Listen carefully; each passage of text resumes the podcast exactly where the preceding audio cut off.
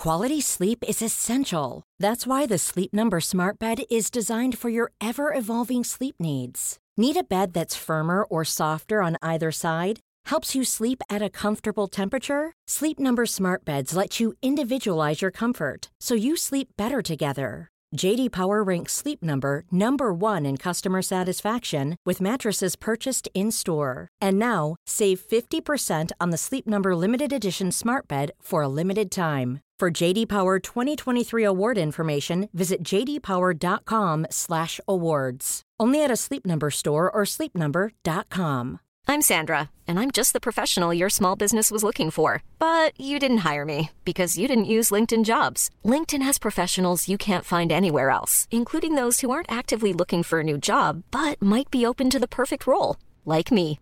In a given month, over 70% of LinkedIn users don't visit other leading job sites. So if you're not looking on LinkedIn, you'll miss out on great candidates like Sandra. Start hiring professionals like a professional. Post your free job on linkedin.com/people people today. Denne episoden er i samarbeid med Kreftforeningen. Som fast giver til Kreftforeningen er du med på å skape håp og forandre liv. Og det både høres ut og er en stor ting. Men det trenger ikke å være en stor sum for deg. For prisen av bare en og en halv frossenpizza i måneden kan du bidra til forskning, behandling og hjelp til livet med kreft og livet etter kreft. Bare det utgjør en forskjell. Så gjør en forskjell. En og en halv frossenpizza. Du kan selvsagt gi mer hvis du vil, og du bestemmer selv om du gir månedlig, kvartalsvis eller halvårig. Ja, det hele er kjempefleksibelt. Det viktigste er at du som fast giver bidrar til at færre skal få kreft, og at flere skal overleve. Gå inn på kreftforeningen.no giver, eller klikk på lenken i episodebeskrivelsen. Som sagt, en og en halv frossenpizza. Bli fast giver hos Kreftforeningen i dag.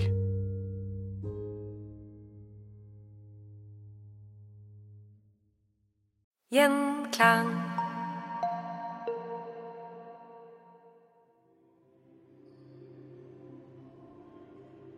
Livet til et middelaldermenneske var hardt. Kriger, uår, sykdom, alt mulig kunne skje. Men de hadde noe som samlet dem alle. Religion og troen på mirakler. Velkommen til Historier som endret verden. Med oss for å snakke om religiøse bilder og mirakler i europeisk middelalder, har vi middelalderhistoriker Kaja Merete Hagen. Velkommen. Takk skal du ha. Hvor stor del av livet til mennesket var troen? Kanskje ikke bare troen, men eh, religion som en eh, institusjon? Eh, I dag så har vi jo på et vis delt opp vår verdensforståelse i ulike bolker eller kategorier. Altså vi har politikk, religion, kultur, men sånn var det jo ikke den gang. I middelalderen så var religionen en del av livet til folk. Det var helt sammenvevd og uatskillig fra andre aspekter ved, ved både det praktiske i livet og verdensforståelsen. Eh, og Gud kunne man for eksempel se tegn etter i hele naturen omkring, og det skulle man også gjøre. Man skulle se regnet og skjønne at dette var Gud som hadde eh, liksom skapt regnet. Man skulle se barnefødsler og se det miraklet som det var. Og alt som omga deg, det kunne du tolke som tegn på at Gud fantes, en hellig orden i systemet. Og helt praktisk så var jo eh, tiden, for eksempel, var jo også styrt av religion. Altså året var delt inn i røde dager, og det var helligdager og festdager.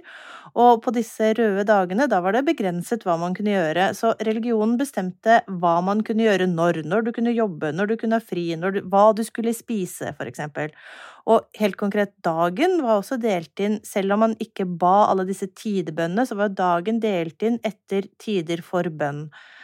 Så hele samfunnsordningen, alt fra eh, kongen på toppen i samfunnet med sine undersåtter, det var jo en ordning innstiftet av Gud.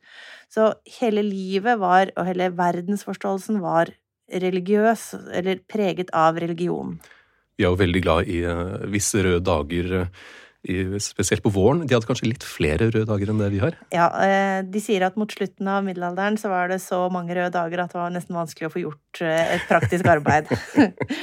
Og videre så var jo livet hardt for mange, og det nevnte jo du innledningsvis her også. Og alle prøvelsene menneskene ble utsatt for her i livets jammerdal, eh, det ble jo sett på enten som djevelens verk eller som en straff fra Gud.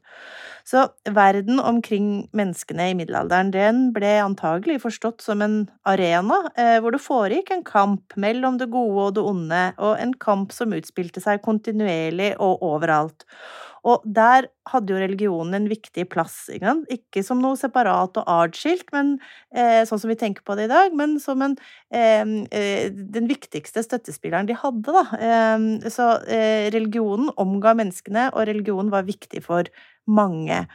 Eh, når det gjelder Kirken som institusjon, eh, så var jo dette en mektig organisasjon, først og fremst. Altså, Kirken var jo en veldrevet, organisert, imponerende eh, system. Altså, de hadde jo informasjonskanaler fra paven i Roma og ned til hver lille avkrok i hvert lille sogn i hele kristenheten.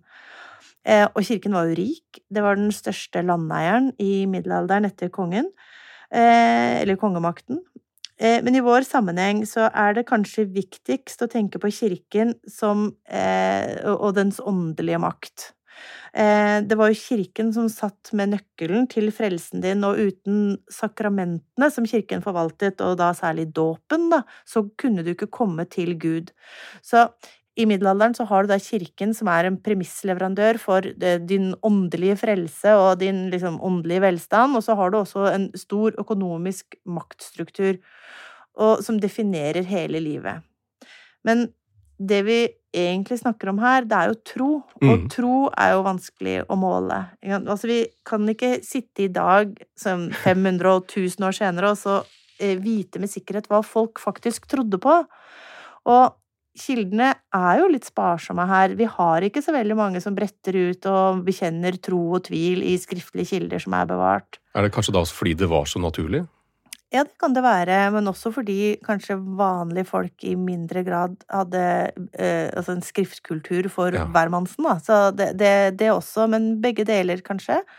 Eh, men det vi har, eh, og der er vi tilbake til at overklassen er jo igjen representert, for dette er jo overklassen og de geistliges materialer. Vi har bønnebøker, eh, og de har også tilhørt eh, ikke-geistlige, altså lekmenn og -kvinner. Mm. Og de viser jo at folk ba med en voldsom intensitet. Ja. Og eh, vi har jo også religiøse dikt og sanger som vi antok, eh, antar at kanskje omga for større eller bredere lag av befolkningen, eller hele befolkningen. Så eh, vi har ingen grunn til å tro at eh, folk ikke var religiøse. Antagelig så hadde de en, eh, en sterk tro eh, gjennom hele middelalderen, også her i Norge. Så når vi skal snakke om tro, så må vi se etter spor av religiøs praksis. Ja? Mm. Altså for å vite hva folk trodde på, og, eller for å få et innblikk i hva folk trodde på. Og så må vi forsøke da å tolke disse sporene og se om dette var uttrykk for tro.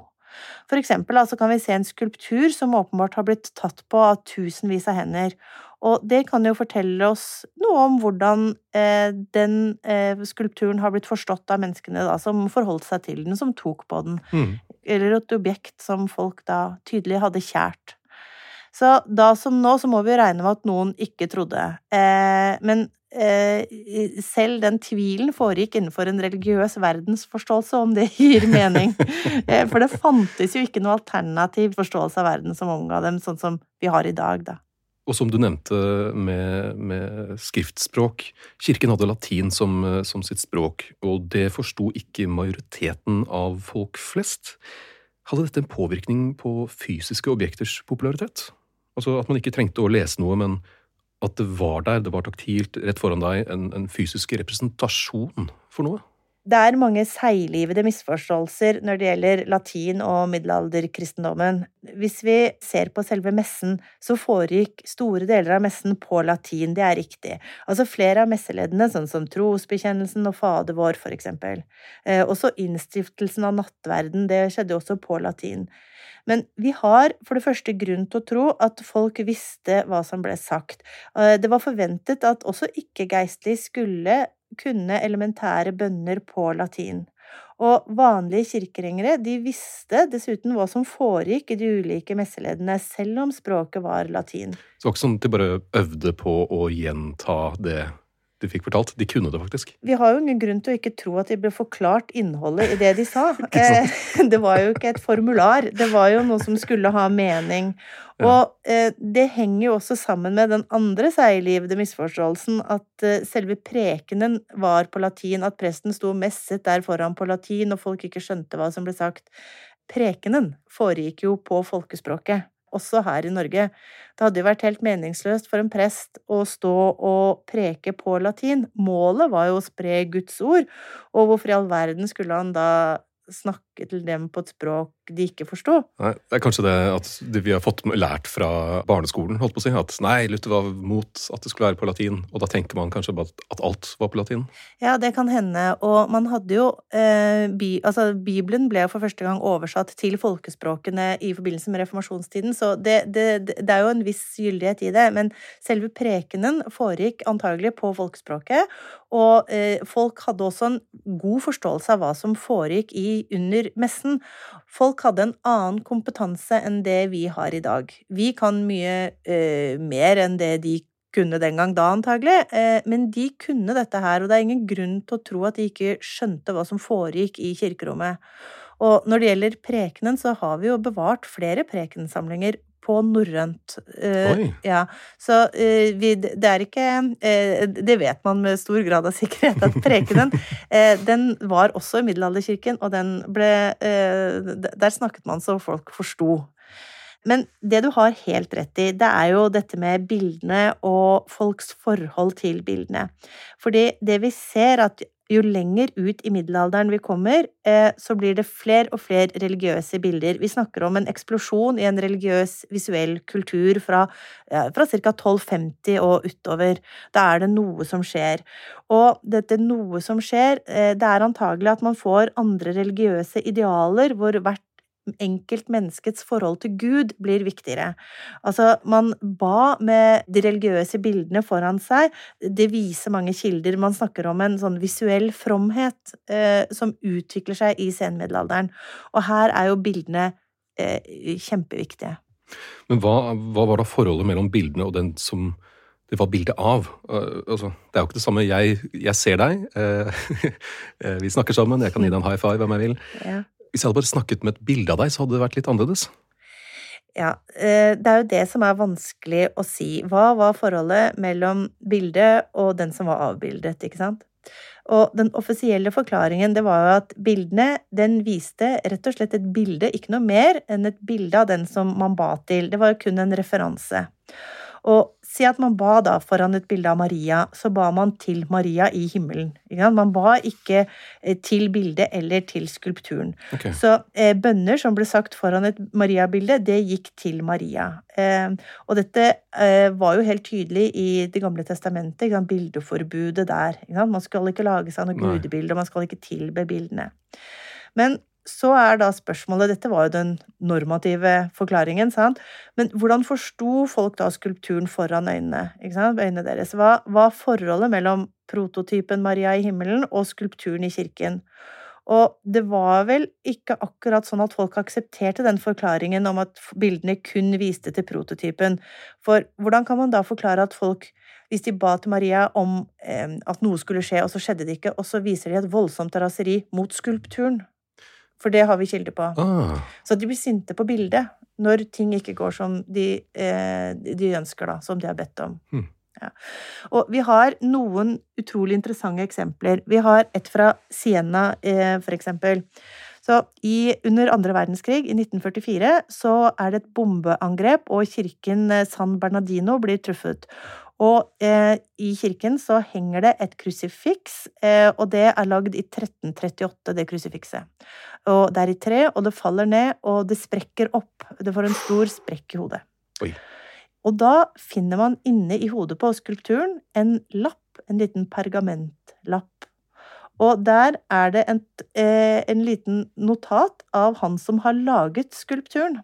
Og sett fra et sånt historieforskningsperspektiv er det jo helt fantastisk. Ja. Her skriver da han som har laget det, han heter da Lando di Piero. Han skriver, om litt løst oversatt, Gud gjorde det mulig for Lando di Piero å lage denne skulpturen i tre, som ligner på Jesus, men man skal tilbe ham og ikke treverket. Aha. Ja, ja og her, Lando Di Piero, han det er jo et ekko av den offisielle forklaringen. Det er jo et Mm. ekko av eh, Det gamle testamentet, bildeforbudet, for så vidt. Altså, ja, det er et bilde, eller det er kanskje ikke et ekko, men det er en nyansering. Altså, ja, dette er bare et bilde, men man skal ikke tilbe. Ikke sant?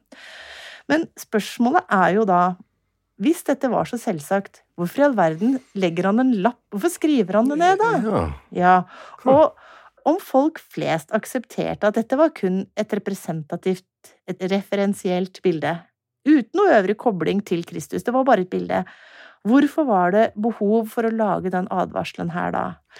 Var det fordi at i tilfelle han kom til peileporten og sier æ, æ, æ, du, du lagde denne Jeg, jeg tror det er akkurat det. Jeg tror det er, her er en forklaring til Gud fra Lando di Piero. Eh, jeg vet hva som er riktig. Jeg vet at folk kommer til å blande sammen dette her. De vil be til krusifikset som om det var Kristus selv og ikke et bilde. Og jeg vil bare ha sagt fra at det var ikke min intensjon. Sant? Men en ting som styrker dette, det er jo det at han legger denne lappen inne i skulpturen, for det er jo ingen som ville sett denne her. Det var jo først da den falt ned og sprakk at du fant denne lappen. Så dette var nok en beskjed til Gud. mm. Mm. Dette med at folk blander sammen. Har vi noen eksempler på det i Norge? Ja, vi har mange eksempler på det. Og vi har et eh, litt merkelig tilfelle fra Norge, fra Lunder kirke. Her er det et, eh, var det et krusifiks i kirken fra midten av 1200-tallet, som i dag er på Kulturhistorisk museum her i Oslo. Og det er ganske medtatt, og malingen har forsvunnet, og også grunderingen, så vi kan se rett på treverket. Og på, i treverket, i runer, så er det risset inn på benet til Jesusfiguren. Jeg er, eller jeg heter Jesus fra Nasaret.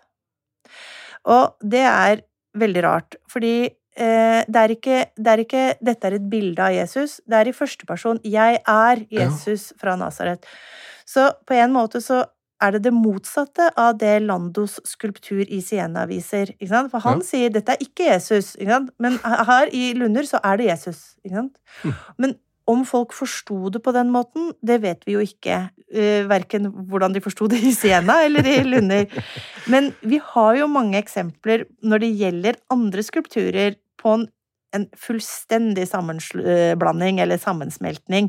eh, at tingen blir det den representerer. Og det gjelder da særlig de bildene som ble forstått som mirakuløse. Der var det i eh, de aller fleste tilfellene til tross for at man mente noe annet fra autoritativt teologisk hold. Forklaringen var at det var bare et referensielt bilde, men folk flest blandet dette her sammen. De tilba bildene som om det var det, den som ble avbildet. Og å blande statuer og bilder eh, på en litt annen måte. Har du hørt om Sankt Vilgefortis? Ja. ja. Lytterne, så er det da en, en dame fra Portugal som nektet å gifte seg med den faren hadde valgt ut, og ba til Gud om å få skjegg for at hennes forlovede ikke skulle ønske å gifte seg med henne. Hennes bønn ble da hørt, og hennes far korsfestet henne som straff. Langt hår og skjegg. Den, det er jo en kombo som man kanskje kan blande med en annen fyr ved navn Jesus. Ja, og hun hadde dessuten en sånn eh, lang kjortel, eh, som jo var vanlig på krusifikser altså av, av Kristus, lenger sør på kontinentet. Så eh, ikonografi er vanskelig.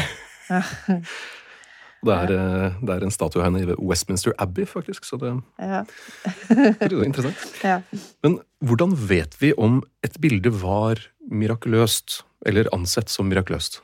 I middelalderen så kunne et bilde omtales som mirakuløs. Vi kan ha bevarte legender eller beretninger om hvordan et bilde utfører mirakler, og hva slags mirakler de utfører. Ehm, Så eh, et bilde kan eksplisitt omtales som undergjørende eller mirakuløst. Eh, videre så kan vi se etter pilegrimsaktivitet, altså valfartet folk til bildet. Det er også eh, tydelig at eh, er det også tydelig at det er med et, et mirakuløst bilde vi har med å gjøre. Men så har vi tegn vi kan se etter, da. Vi kan se om et bilde mottar votivgaver. Altså en votivgave, eller en ex voto. Eh, det er små gaver eh, som folk gir enten som takk for hjelp, for at de Mhm. har mottatt hjelp, eller i håp om hjelp, altså i forkant. Og det har vi tall på, eller Ja, det, ja, ja det, det var en praksis som var helt vanlig over hele Norge og over hele den vestlige middelalderkristenheten. Mm. Ja, og disse gavene, disse votivgavene, de kunne man lage i tre eller i voks, eller eh, hvis man var rik, så kunne man lage det i edlere metaller, som i sølv eller gull og sånn. Og de var veldig ofte i form av kroppsdeler. Og hvis du hadde vondt i en arm, så ga du bilde av en arm.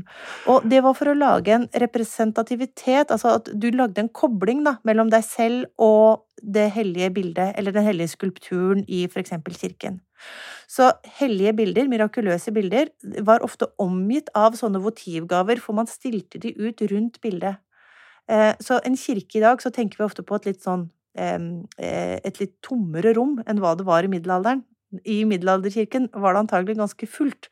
Det var I tillegg til veldig mange flere alter og sånn, så var det også et eh, I, i Røldal, for eksempel, så er det beskrevet i en kilde i 1822 hvordan hjørnet er fylt opp av votivgaver og krykker, og det var liksom, hele kirken var liksom stappfull, og det er ikke en veldig stor kirke i utgangspunktet, da. Så folk ga en representasjon av seg selv til en representasjon av den de ba til. Jo, men husk på, det var jo ikke en representasjon. For dem var det jo et faktisk nærvær i bildet. ikke sant? For det er det, Mm. den sammenblandingen ble jo Ja. total. Så eh, den, du ga det til eh, Altså hvis det var et krusifiks, så ga du det til Kristus på korset. Du ga det til korset, og du ga det til Kristus. ikke sant? Så ikke en representasjon. Den derre distinksjonen der tror jeg ikke de hadde, skjønner jeg. Ja. Videre så kan vi se i kildene at eh, bilder som eier mange ting, det var også antagelig bilder som ble forstått å ha særlige krefter, da. Hva mener du med det? eh, Vi ser at folk gir gaver til bilder. De gir eh, landområder, de gir Til bilder? ja, de Ikke til kirken, men til bildet? Nei, og det er veldig interessant. De gir ting til bildet. Og vi i eh, bevarte jordebøker, altså bilder over Nei, bøker over hva kirken eier i Ja. middelalderen, så ser vi at et, kirken kan eie ting. Et alter kan eie ting, og at et alter kan eie ting, det er ikke så rart, fordi da kunne inntektene Si en ku, da. Da, da kunne inntektene fra den kua gå til å lønne en prest, og den presten kunne holde messe ved det alteret, for eksempel. Ja. Eh, Og alt dette eh, Man snakker om en frelsesøkonomi, og alt dette gir mening, men det som ikke gir mening, det er å gi masse ting til et bilde. For hva skal et krusifiks med en jordlapp, eller en ku, eller et armbånd, ikke sant? Men den praksisen her, eh, det er antagelig fromhetsgaver. Er, vi skal antagelig forstå det som gaver som er gitt til bildet uten at det skal holdes messer i etterkant. Det, er, det skal ikke holdes dødsmesser eller sjele... eh, Det er ikke sjelegaver. Det er ikke den type. Det er nok eh, type gaver. Det er nok antagelig en, en fromhetspraksis, rett og slett for å vise sin hengivenhet altså til disse bildene. Så vi har både dokumenter på at gaven gis, ikke sant? og så mm. har vi også da oversikt over hva bildene eier. Så eh, til sammen så får vi da både innblikk i hva som var intensjonen med gaven, og at faktisk uh, mottak av gaver, da, at, at en eiendomsforholdene til, eh, til ulike mirakuløse bilder. Ganske utrolig å tenke på. Ja, det er ganske utrolig. Og så, så vi har liksom disse I, i middelalder-Norge, eller fra middelalderens Norge, har vi bevart få skriftlige kilder. eh, dessverre. Eh, vi vet at sånn katedralbibliotekene både i Nidaros og Stavanger ble brent i forbindelse med reformasjonen. Og mange skriftlige kilder har senere bare blitt borte, blitt brukt av andre ting. Ja. Så vi har en begrenset eh, sånn skriftlig eh, kildetilfang. Men vi har jo eh, materiell kultur. Vi har bevart veldig mange objekter og Ah. Og de forteller jo også sin historie. Og når vi har da med gjenstander som har tydelig bruksspor det har, eh, Når du tar på en treskulptur, så etterlates en sånn oljete substans, så det ser annerledes ut enn for eksempel det krusifikset fra Lunder som jeg nevnte i stad. For der har bare malingen falt av. Det, det er nok en del av litt sånn eh, wear and tear, som man Ja. sier på norsk. Men hvis det er, hvis det er berøringsspor, så ser det, sånn, ser det nesten oljet ut. Det, ser sånn, det er sånn glatt. Så da, man kan se hvilke skulpturer som har blitt tatt på igjen og igjen og igjen og igjen. Og det er jo også en markør, eller en indikasjon, da, på at vi har med et bilde som ble oppfattet å ha særlige eh, krefter, da. Quality sleep is essential. That's why the Sleep Number Smart Bed is designed for your ever evolving sleep needs. Need a bed that's firmer or softer on either side? Helps you sleep at a comfortable temperature? Sleep Number smart beds let you individualize your comfort so you sleep better together. JD Power ranks Sleep Number number 1 in customer satisfaction with mattresses purchased in-store. And now, save 50% on the Sleep Number limited edition smart bed for a limited time. For JD Power 2023 award information, visit jdpower.com/awards. Only at a Sleep Number store or sleepnumber.com. Cool fact a crocodile can't stick out its tongue. Also, you can get health insurance for a month or just under a year in some states. United Healthcare short term insurance plans, underwritten by Golden Rule Insurance Company, offer flexible, budget friendly coverage for you. Learn more at uh1.com. I'm Sandra, and I'm just the professional your small business was looking for. But you didn't hire me because you didn't use LinkedIn jobs. LinkedIn has professionals you can't find anywhere else, including those who aren't actively looking for a new job but might be open to the perfect role, like me. In a given month, over 70% of LinkedIn users don't visit other leading job sites. So if you're not looking on LinkedIn, you'll miss out on great candidates like Sandra. Start hiring professionals like a professional. Post your free job on linkedin.com/people today. Se også da på eh, statuer i eh, ja, f.eks. Roma eller Siena her. Så ser man jo at der har det blitt Der har noen tatt på den skulpturen. Ja, ja. Veldig tydelig. Ja, og man ser ofte at eh, en skulptur blir tatt på, og så ser man også at det er et spesielt område mm. på skulpturen som blir oppfattet å ha en særlig kraft. Eh, og det er nok flere forklaringer på hvorfor akkurat den og den kroppsdelen. I Fana, for eksempel, eh, der er det føttene på krusifikset som har blitt tatt på. Fana-krusifikset. Okay. Eh, det kan jo hende at det hang høyt oppå en vegg, sånn at man var bare føttene man fikk tak i. Men man skal være litt forsiktig. Det kan godt hende at man tenkte at føttene hadde en At det var en, kanskje en sånn ydmykelse eller et eller annet i å liksom å, å ta på føttene, altså fotvaskingen, Ja, ikke sant? Altså, man, ja, så uh, man, man vet ikke helt, men der ser man da tydelig berøringsspor på føttene. Ja. Så når man lurer på hva et religiøst bilde, eller hvilke spor vi har etter religiøse bilder, så har man ikke så mange eksplisitte referanser, men det vi har er da eh, eh, eh, tegn som vi kan tolke inn i den, den rammen, da. Så det vi har, eh, som er utrolig interessant, det er en kilde ifra 1582. Og eh, det er jo etter reformasjonen, så vi eh, har et lite tilbakeblikk da over eh, hva som har vært etablert praksis i middelalderen.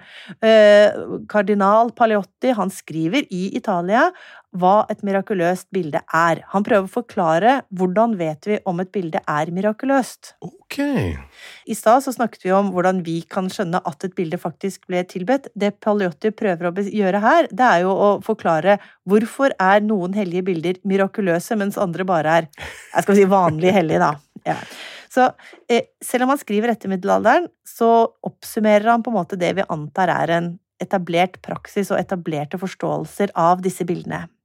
Og han er veldig systematisk, Paliotti. Han deler da inn i tre hovedårsaker. Og eh, den første grunnen til at et bilde kunne være eh, mirakuløst, det var om det var laget uten menneskehender. Og det høres jo veldig rart ut for oss i dag, men det betyr altså at bildet plutselig er der. At, at det åpenbarer seg, at eh, det dukker opp av fjorden, eller at, eh, liksom, at det kommer seilende med en båt, for eksempel. Og det mest kjente av det, eh, Volto Santo i, i Lucca, eh, det ble jo laget av Nikodemus. Det var han som skar hele Volto Santo. Eh, og så Nikodemus nevnes jo i Johannes-evangeliet. Men han klarer ikke å få til ansiktet på skulpturen. Han prøver, men han er ikke fornøyd, så han legger seg til å sove. Og når han våkner opp, så har da ansiktet på skulpturen eh, mirakuløst blitt eh, gjort ferdig. Eh, så det er jo et godt eksempel på at det er laget uten menneskehender, da. Ja. Men også i Norge da, eh, bevarte legender om opprinnelsen til disse mirakuløse bildene. De forteller om hvordan fiskere får bilder på kroken eller i garnet, for eksempel. Og så eh, blir de kjempetunge, og når de da liksom først eh, liksom lover å sette det liksom i, i, i riktig kirke, nei, da hopper de opp i båten, mer eller mindre, da. Så bildene, ja, de, eh, de, de kommer liksom som gaver fra Gud. Mm. Det er nok tanken bak det. Og det er jo egentlig litt naturlig, for hvis, hvis, vi- hvis vi tenker oss at et, et bilde i en kirke som du vet ble lagd av materialer oppi lia av en fyr du kjenner. Det er litt vanskelig Ja, er litt vanskelig å skulle forklare at hvor, hvordan kunne dette utføre mirakler. Ja. Når de lagde en sånn hellig historie og bak liksom, tilkomsten av bildet? Så, så det er jo en, eh, en stor forklaringsgrunn på at det var eh, et mirakuløst bilde vi har å gjøre med her. Er gave fra Gud. Den andre grunnen som Paliotti eh, anfører, da, liksom, eh, en annen grunn til at et bilde kan være mirakuløst, det er om Gud utfører synlige tegn i bildet. Eh, om det beveger seg og snakker, gråter, blør. Ok, om, om bildet selv Ja. Mhm, Ja. Okay. Om bildet utfører mirakel Altså om, om det rører på seg, Ja. rett og slett. Og særlig Ikke at det, det er malt at Gud gjør et eller annet, men det er Nei. faktisk fysisk gjør noe. Mm. Ja, nei, det er bildet selv da som gråter. Hvis det er for eksempel en Maria, som, at Maria gråter, eller at eh, Jesus blør fra eh, naglesårene, eksempel. Ja. Og middelalderen er full av historier om skulpturer og bilder som gjør nettopp dette her. Og mest kjent, det er kanskje St. Francis, som han ber jo foran et krusifiks i eh, kirken, og Jesus snakker til han fra krusifikset og sier du skal gjenoppbygge kirken. Sånn. Og denne historien her eh, viser jo det at eh, et, eh, et bilde som snakker til den som hører på, for eksempel, det, det, det, er, jo, det er åpenbart et mirakuløst bilde. Ja. Men Paliotti er veldig tydelig på at dette er Gud som utfører tegn igjennom bildet. Det er ikke bildet selv som utfører det, det er er Gud til igjen. den, ja. Ja. Ikke sant? Så han er jo veldig påpasselig med å understreke det. Det er Gud som er kraften bak. Sant? Og i Norge så har vi også masse eksempler på bilder som rører på seg, som eh, blør og svetter og gråter. Ja, også på Island. Og den siste grunnen da, til Paliottis eh, mirakuløse eh, bildeforklaring, eh, det er om Gud utførte mirakler gjennom bilder, eh, forstått som at han helbreder. For Mm. eksempel. Ja. At blinde får synet tilbake, at lamme kan gå, og at kvinner som ikke kunne få barn, plutselig blir gravid og sånn. Dette er mirakler som virker igjennom bilder. Og dette har vi også masse eksempler på. Det var jo kanskje hovedgrunnen til at disse kultene oppsto. At folk trengte jo hjelp. Det, ja. Så eh, folk som oppsøkte dem, kom med helt praktiske problemer. Og det Vi har bevart et dikt fra Island, eh, et, et, et kors i Kaldadarnes. Og det diktet forteller om hvilke mirakler korset utfører. Og det er helt praktisk. En kvinne mistet en kjele i en brønn, og, kje, og, hun ba til korset, og korset hevet eh, kjelen igjen. Eh, En gutt svelget en spiker og døde, ba til korset, og han ble levende igjen. En ku falt ned i en grøft og ba til korset, og kuen opp igjen. Så helt sånn praktiske ting som man liksom møtte i sin hverdag. Så diktet gir jo både en utrolig god liksom, innblikk i livets harde prøvelser når vi Mm. er på rundt år 1500, men det gir jo også en utrolig god indikasjon på hva et bilde var i stand til å gjøre, da. Mm. Ja, hvis man bare var sterk nok i troen. Antagelig så skal jo kjære Paliotti, hans kategorier skal antagelig ikke forstås som så statiske eller oppdelte som jeg ramser opp her, da. Et bilde det kunne jo passe inn i mange kategorier, og antagelig er jo ikke denne listen her uttømmende heller. Ja. Altså, det var kanskje andre grunner til at det var mirakuløst òg. Men eh, Røldal-krusifikset, for eksempel, eh, som jeg nevnte i stad, det er kanskje det mest kjente undergjørende bildet fra norsk middelalder. Og eh, det passer jo inn i alle disse kategoriene her. Oh. Ja, altså det ble laget uten menneskehender. Altså det er flere legender som er bevart, da, og en forteller at fiskere fant det, eller fikk det i garn og i Røldalsvannet, og noen sier at de ble fisket opp ute ved Gjelsa, og en tredje legende sier at det ble funnet oppe på fjellet. Ja? Så, og videre så viser da Gud eh, eh, tegn i bildet, for dette eh, krusifikset her, det svettet hver sankthansnatt. Og da kunne man komme, og så kunne man da tørke av denne mirakuløse svetten fra pannen til Kristusfiguren. Det er veldig spesifikt at det er pannen okay. som svetter. Ikke unorm armene. Ikke, noe annet sted, bare på armen. Da- Den svetten den kunne du tørke av, og så kunne du legge da kledet med svette på det stedet du hadde vondt, og så ble man helbredet. Ja. Så, og dette var en, eh, kanskje den kulten i Norge som holdt seg lengst. Mm. Det kan vi jo komme tilbake til litt senere. Og videre så var det jo også da at Gud utførte mirakler. Det var ikke måte på hva Røldal-krusifikset kunne hjelpe mot. Eh, de gjorde kvinner gravide, og de kunne jage vekk ulver, og det er en eh, Multitool. ja, det er virkelig en multitool.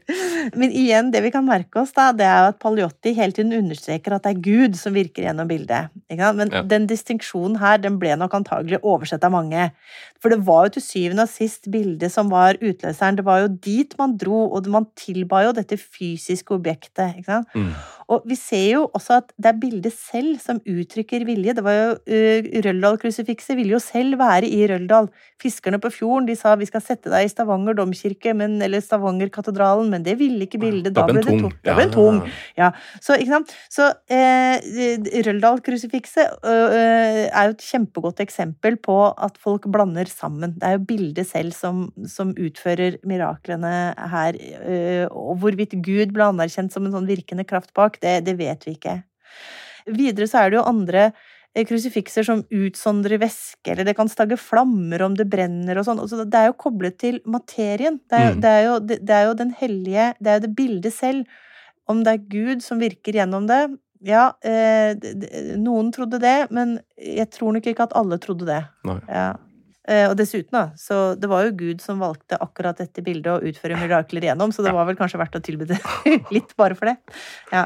Så man kan si at denne kampen eh, mellom hva som var den rette forståelsen av bildene, den pågår gjennom hele middelalderen, og den blir jo veldig aktualisert da, i disse mirakuløse bildene som Mm. ut, altså, For de var liksom så påtrengende. Eh, ja. og, og også problematiske, da. Eh, fra, sett fra teologisk ståsted. Det var vanskelig å forklare dette her. Ja. Ja. Men er det da riktig å si at det, det var en kamp mellom kirken og folk flest? Det vet jeg faktisk ikke helt hva jeg skal svare på. Eh, vi ser på en side at kirken legger til rette for bildekulter. Altså For at et bilde skulle erklæres som mirakuløst, så måtte det enten gjenta miraklene flere ganger. Eller flere måtte vitne det. Sånn at eh, det holdt Det ikke var at ikke lett. Nei, det var ikke lett, og det holdt ikke at én person hadde sett noe én gang. Altså, det, det måtte være flere vitner til det, eller det måtte skje gjentatte ganger. Og så måtte kirken sanksjonere det. Så eh, det var jo ikke sånn at tilbedelsen av mirakuløse bilder og bildekulter knyttet til mirakuløse bilder, at det foregikk i det skjulte. Eh, tvert imot så ser vi at veldig mange får en ny plassering etter Altså mange bilder, det får en ny plassering etter at kulten er etablert. Så hvis det hang et bilde litt oppå en vegg, og så ble det da eh, erklært som et mirakuløst bilde, så flyttet man det ofte til en litt mer prominent posisjon. ikke sant? Og så Ja. omga man disse eh, bildene med disse votivgavene, for eksempel. Så det, det var jo ikke Dette var jo kirkens fremste klenodier, disse bildene her. Det var jo deres fremste helligdommer, ikke sant? Disse sammen med liksom relikvier og, og eh, hosti og andre, annen hellig materie. Så vi vet jo ikke så mye om hva folk og geistlig trodde på, om det var bildet selv, eller om det var Gud bak, eller begge deler som utførte miraklet, så vi bør vel kanskje være forsiktige med å si at det var en sånn stor kløft mellom vanlige folk på en side og kirkens menn og kvinner på den andre. Og husk på at mange av kirkens menn levde jo også ute blant folk i små bygder rundt omkring i Norge, og vi vet jo ikke hva folk egentlig tenkte så det vi har bevart flest av når det gjelder liksom sånn eh, teologiske, autoritative skrifter, det er jo eh, kanskje disse veldig lærde som satt og produserte mye, og hvor representative de kildene egentlig er, det, det må vi kanskje være litt forsiktige med. Men vi har jo bildeforbud i Bibelen da, som ligger der hele tiden, som en sånn normativ instruks. Mm. Og så er det denne kampen både mellom kirkens menn og kvinner og mellom eh, lekfolk ikke sant, og hva som var den rette forståelsen. Men å plassere de i sånn ulike leire, det tror jeg kanskje vi skal være litt forsiktige med. Man har jo relikvier også. Eh, Det var jo eh, spesifikt en, en helgens tå, eller hva Ja, det skulle være. Ja. Hvordan var da disse bildene i forhold? For de var jo ikke egentlig Det var en representasjon, men, men eh, fungerte det på samme vis for folk flest? Alle kirker i middelalderen måtte ha en relikvie. Eh, Alle altere måtte ha en relikvie. For i en alterplate så måtte du ha lite, en liten fordypning, en sepulkrum, og oppi der så måtte du legge en relikvie. Og uten at relikvie i alterplaten så kunne man ikke holde messe.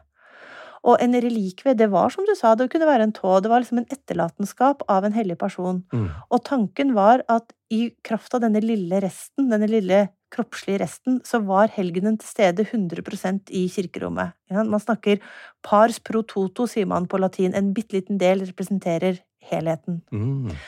Så eh, at relikviene, og nå snakker jeg var, men dette har fremdeles gyldighet i den katolske kirken, men nå snakker vi om middelalderen, altså derfor eh, fortidsform. Ja. Men relikvienes kraft, det var helt ubestridt. Og det samme med nattverden. Altså når man konsekrerte vin og brød i nattverden, så var det Jesu blod og legeme. Mm. Det var også en, et helt ekte nærvær av Kristus. Så uh, disse helgenene, det var også et nærvær. Så disse, disse gjenstandene her sånn, de, de viser jo at man i middelalderkirken, man har på en måte en, en kategori av materie som er helligere enn annet. Og disse mirakuløse bildene de plasserer seg kanskje i en mellomstilling. Okay. Det var ikke sånn at man måtte ha et mirakuløst bilde i en kirke. Absolutt ikke. En, eh, en kirke kunne ha et bilde, og så kunne liksom det etter hvert begynne å ut, at det utviklet seg en bildekult. Og vi ser jo at kultur oppstår og synker, og så blir den populær, og så dør den ut. Ikke sant? Så, og det ser man eh, gjennom hele middelalderen, egentlig. Men eh, det, det er nok riktig å snakke om et hierarki av hellighet. Og om de mirakuløse bildene hadde nok ikke den samme offisielle statusen som hellig materie, som de, det eh, relikvier og eukarastien hadde. Men det bildet hadde, det var jo en forførende visualitet. Og det er viktig, fordi sett fra et sånt estetisk synspunkt, så er jo både relikvier og kanskje også hostien ganske stusslig, liksom. Så, så Jo, men det er jo det. Ja, ja. Så relikvier ble ofte etter hvert utover i middelalderen satt inn i sånn nydelig skulpturerte eh, monstranser og, og, og relikvieskrin og sånn. Så når du kommer inn, så ser du dem og Ja. er kjempeimponert. Ja, og hadde litt kjedelig med en sånn bitte liten eske med en tå Ja, ja, ikke sant. Så, så man på en måte uh, forgylte det, ikke sant. Og så passet man jo på å si at den spirituelle verdien er den viktigste, og det er det du som ligger inni her. Ja. Mens bildene, ikke sant, de var litt annerledes. De kunne ikke peke tilbake på en helgen eller på en sånn eh, transsubstansiasjon, da, som man sier. Altså den derre den eh, ritualet hvor man det gikk fra å være jord, altså jordlig materie til å bli noe himmelsk og, og hellig. Mm. De bildene hadde jo ikke den. Men det bildene hadde, da, som var deres store styrke, det var jo at de hadde en gjenkjennbarhet, de hadde en livaktighet. De hadde jo disse strategiene. Husker du når Lando Di Piero han skriver Mm. at det ligner på Jesus? Ikke sant? Altså det, det, og det er ganske viktig. Man klarer å forholde seg til noe med et ansikt. Ikke sant? Ja. Og man, man tilla de liv. Sant? Altså, man, man, man så de inn i øynene, og man, man forholdt seg til dem. Og i mange kirker så ser man jo også at man har Jesus eh, bilder av Jesus, altså den levende Jesus, i full størrelse, i stor størrelse. Så høy var Jesus. Ikke sant? Så Ja. man, man kan forholde seg til disse som eh, en fysisk størrelse, da. Da har vi snakket om mange mirakuløse middelaldergjenstander, men følg med i neste del for å høre om gråtende statuer og hvor man maler en glorie på et avkappet hode. Vi høres.